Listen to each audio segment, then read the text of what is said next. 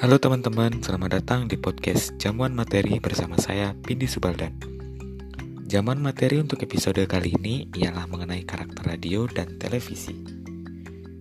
Yang pertama, sebagai media penyiaran, radio serumpun dengan televisi dalam sistem penyiaran Indonesia sebagaimana diatur dalam Undang-Undang Penyiaran tahun 2002 disebutkan bahwa penyiaran radio adalah media komunikasi massa dengar yang menyalurkan gagasan dan informasi dalam bentuk suara secara terbuka berupa program yang diatur dan berkesinambungan.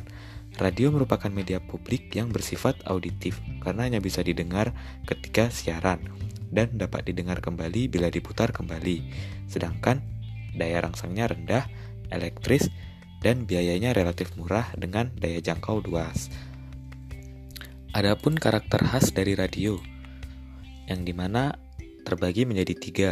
Yang pertama, imajinatif. Radio bersifat trade of mind, artinya radio mampu menciptakan gambar dalam pikiran pendengar melalui kekuatan kata dan suara. Yang kedua, ada auditory. Pendengar tidak akan dapat mendengar kembali informasi yang tidak jelas diterimanya, karena ia tidak bisa meminta kepada komunikator atau penyiar untuk mengulang informasi yang hilang kecuali ia merekamnya sendiri.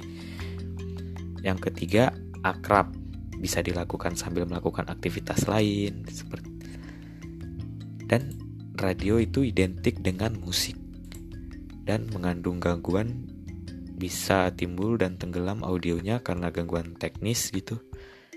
Dan untuk televisi Televisi itu media siaran yang serumpun dengan radio juga. Jika radio hanya mampu menyalurkan suara, televisi mampu menyalurkan suara dan gambar.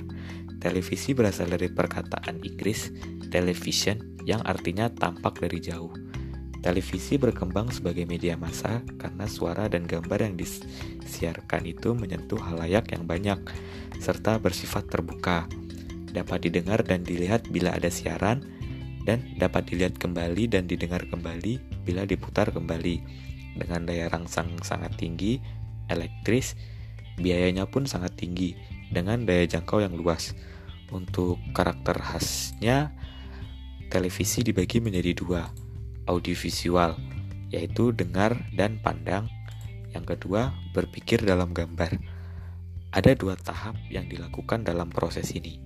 Yang pertama, Visualisasi yaitu menerjemahkan kata-kata yang mengandung gagasan yang menjadi gambar-gambar. Kedua, penggambaran, yakni kegiatan merangkai gambar-gambar individual sedemikian rupa sehingga kontinuitas mengandung makna tertentu. Untuk pengoperasian cara kerjanya relatif kompleks dan ada kekuatan televisi yaitu detail audio atau visual dan daya rangsangnya tinggi, seperti informasi, iklan, dan program. Untuk teknologi tinggi seperti digital, streaming, dan menggoda, mudah ditiru, jangkauannya luas, nasional, regional, dan internasional. Nah, cukup sekian untuk materi kali ini. Sampai jumpa.